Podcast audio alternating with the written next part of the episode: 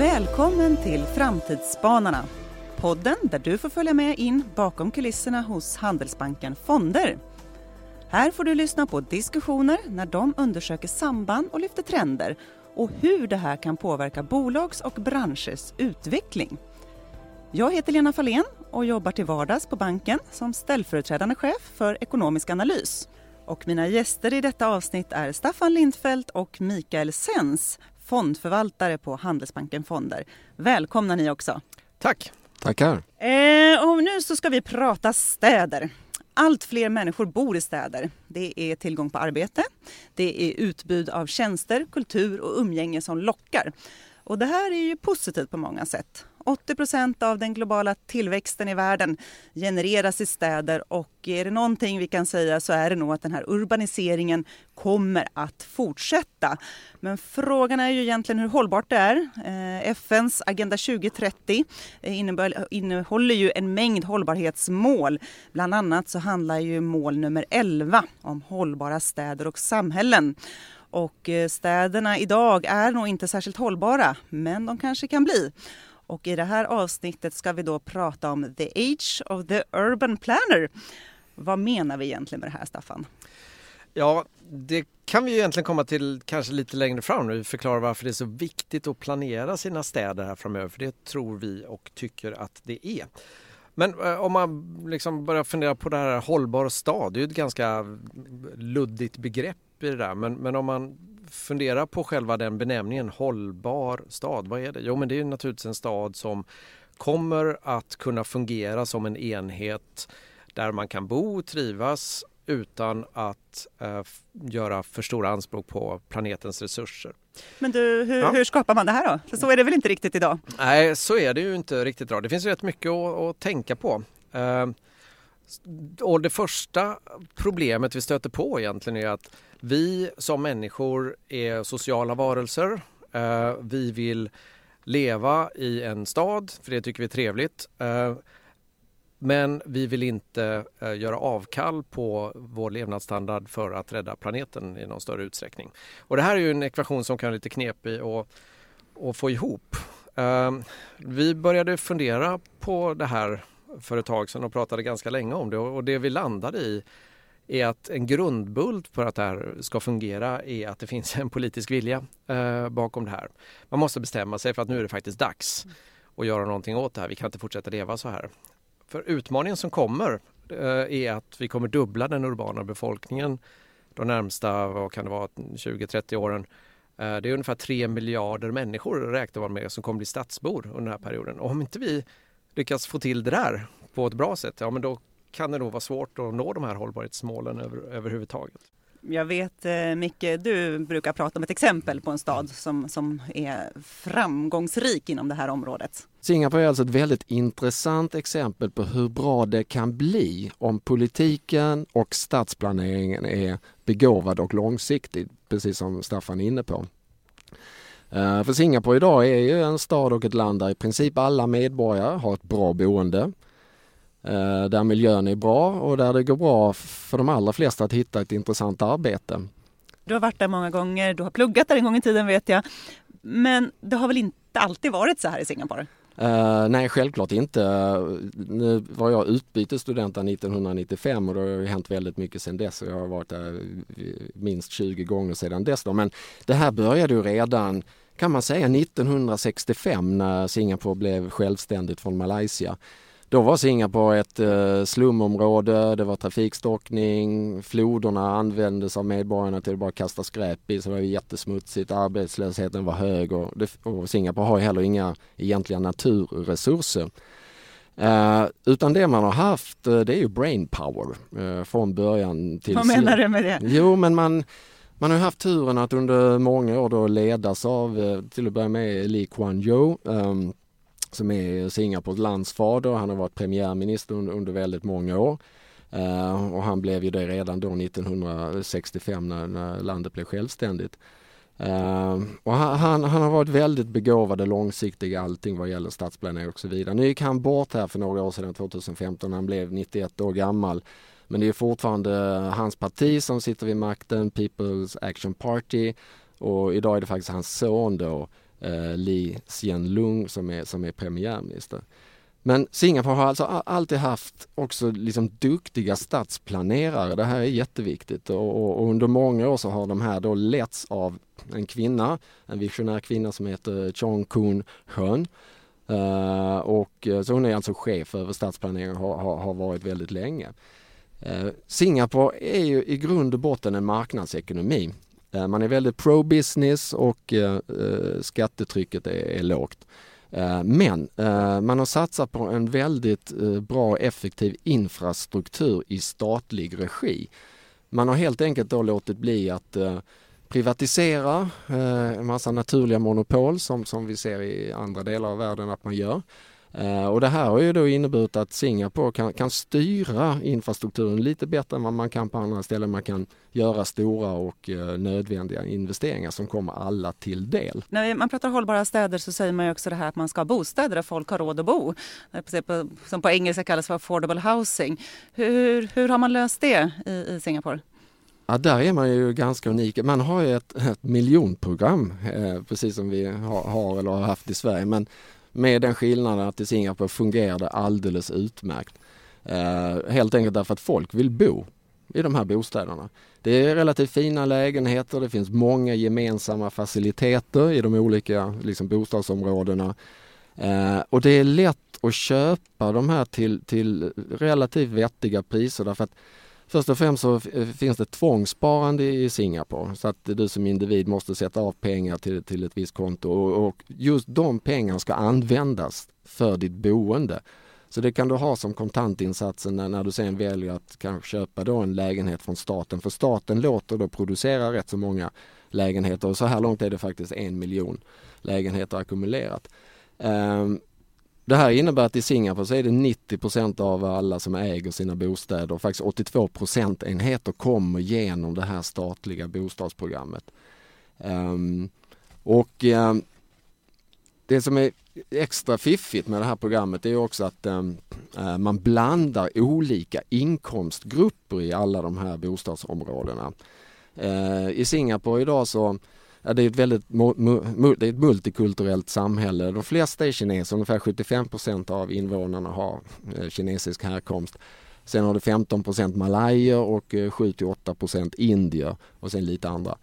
Eh, och, och, och, genom kvotering så är det så att i varje enskilt bostadsområde så ska den här mixen av etniciteter Eh, Eh, reflekteras. Så i varje bostadsområde så är det 75% kineser, 15 malajer eh, och så vidare. Så att eh, det här ger ett multikulturellt samhälle och där liksom all form av integration fungerar ganska väl. Staffan, om vi bollar tillbaka till dig då. Hur, hur, hur bygger man en sån här stad, stad, även om man nu kanske inte gör det exakt som Singapore har gjort? Även om man inte gör det så Nej, men det finns väldigt mycket i Singapore som påminner om uh, saker man har gjort i andra städer som är väldigt duktiga och ligger långt fram inom hållbarhet och egentligen så vet vi nog vad som behöver göras i de flesta städer. Jag kommer tillbaka till den politiska viljan och det krävs att, att man vet vad man vill och man ger en planeringsavdelning en, ett, ett starkt mandat att genomföra det här. Och, och, och det är därför vi tycker att det här är stadsplanerarens era nu på något sätt eh, framöver. För att vi behöver göra de här förändringarna för att vi ska klara av vår och hålla vår planet eh, så som vi vill ha den. Du har nämnt att eh, i Kina så är man ju rätt inspirerad av just det här som händer i Singapore. Berätta! Eh, ja, men det är ju därför som Singapore är en jätteviktig händelse eller, eller sak. Därför att eh, visst, förvisso är Singapore ett litet land, 5,6 miljoner invånare, men man är ju en förebild, inte minst för Kina så Kina blickar med, med avundsjuk på, på, på Singapore om man vill faktiskt göra samma resa på ett eller annat sätt. Ehm, så om man tittar på städer, stora städer i Kina idag så är det faktiskt så att trafiksituationen i, i många fall faktiskt blir bättre och bättre.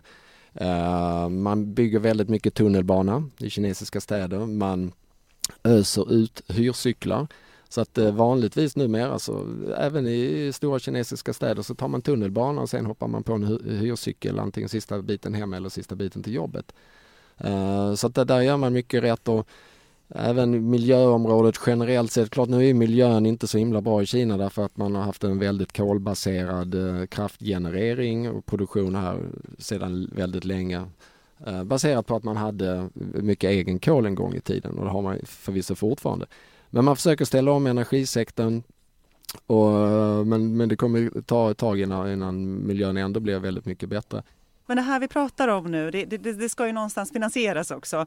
Vilka, vilka investeringsmöjligheter finns i, i liksom planeringen och uppbyggandet av de framtida eh, städerna? Ja, nej men, eh, som du säger, om vi ska lyckas med det här projektet så kommer det krävas otroligt mycket investeringar. Vi kommer behöva bygga om här och var. Vi ser bara vad som händer i, i hos oss i Stockholm borta vid, eh, vid järnvägsstationen där man nu bygger ut eh, gångzoner och, och eh, man drar in spårvagn och så vidare. Och jag tror inte det kommer vara så att man kommer kunna köra bilar eh, framöver. Och det, det här har ju pågått flera år. Liksom. Det, det, det är stora projekt som har stor inverkan och visst behöver det finansieras. Dels finns ju, en stad tjänar ju pengar genom att ta in skatter, man kan ha avgifter, och trängselavgifter och, och så vidare som man har experimenterat med på olika ställen och det kommer säkert fortsätta. Det nya man börjar prata om nu därför att man inser att det kan, kan ju krävas en hel del pengar för att göra det här. Det är något som, som är Urban Wealth Funds, är ett nytt begrepp. Vad, som vad diskuteras. är det? Ja, vad är det då? Eh, det är en, en, en finansiell konstruktion kan man säga som bygger på insikten att en stad har faktiskt väldigt mycket tillgångar som man inte nyttjar på ett riktigt optimalt sätt. Eh, det kan handla om eh, resecentrum kanske man äger, det kan vara olika byggnader, det kan vara ett badhus, det kan vara biblioteket eller något annat som staten, eller som staden äger och driver och, och det gör de ju på, eh, på sitt sätt. Kanske inte alltid det mest effektiva. Tanken är här då att man flyttar över de här tillgångarna till ett separat bolag givetvis en väldigt transparent process och ska värderas på ett vettigt sätt och, och så vidare. Man lyfter över det till det här bolaget och sen så låter man det här oberoende bolaget som ju ägs av staden men, men är oberoende eh, sköta de här på ett professionellt sätt som en professionell eh, kommersiell fastighetsförvaltare skulle göra. Då får du fördelen att, att du kan få upp värderingen på de här eh, fastigheterna eller tillgångarna. Oftast är de till, eller i många fall i alla fall ska jag säga, är de värderade till ett, någon slags konstruktionsvärde eller, eller eh, Eh, inköpsvärde som är, liksom, ligger längre tillbaka i tiden och inte marknadsanpassat. Så att gör man en marknadsanpassning så kan man dessutom kanske belåna lite grann och du kan eh, lägga ut driften på en, en eh, privat firma som kan göra det här kanske mer effektivt än vad staden kan göra. Då blir det i sig ett, ett, en intäktskälla som kan finansiera utbyggnader från, som staden sen vill göra för att få bli mer hållbar. Men nu är vi ju ganska visionära här. Vi pratar om nya städerna och vi, vi pratar om, om eh, stadsplanerare nu som får en revival här. Men om vi här och nu skulle investera, eller hur ser ni på det här i era fonder nu? Vad, vad är det för bolag ni tycker är spännande när ni tittar på det här temat? Ja, dels är det de här nätverksbolagen, um, social networking. I Asien har vi Tencent som är liksom en Facebook-motsvarighet som vi gillar jättemycket. Uh, men det här med tunnelbana och tåg det är ju faktiskt väldigt bra för miljön på många sätt och då finns det ju några bolag i världen som man kan tänka sig att investera i där också. CRRC är störst i Kina exempelvis på att eh, tillverka alla typer av tåg, snabbtåg och även tunnelbanetåg och vagnar.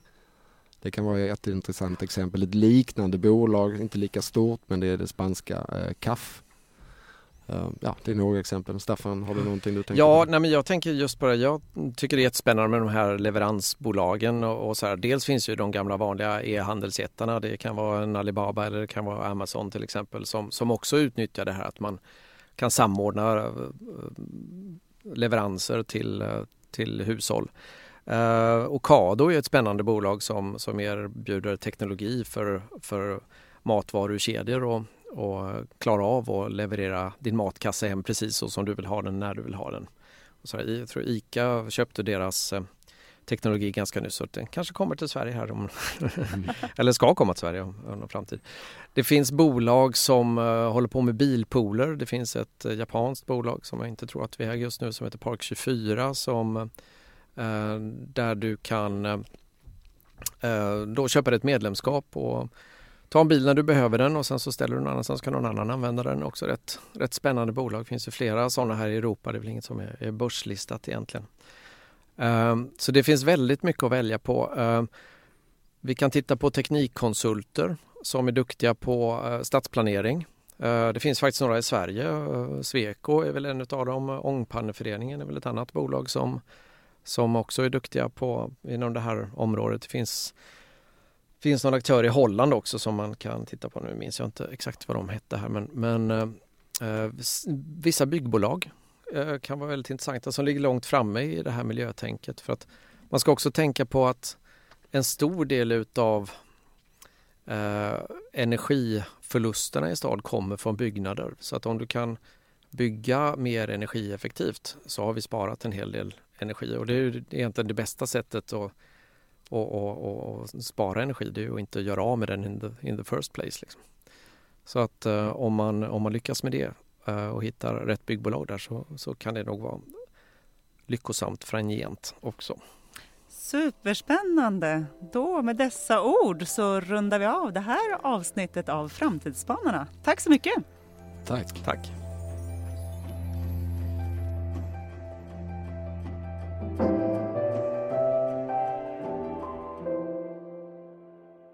Den information och de uppgifter som lämnas i den här poddsändningen är framtaget av Handelsbanken Fonder och syftar till att ge allmän information och utgör inte ett personligt råd eller en personlig rekommendation. Den investerare som önskar rådgivning anpassad till dennes individuella förhållanden rekommenderas att ta kontakt med sitt Handelsbankskontor. Handelsbanken Fonder reserverar sig för eventuella fel i poddsändningen.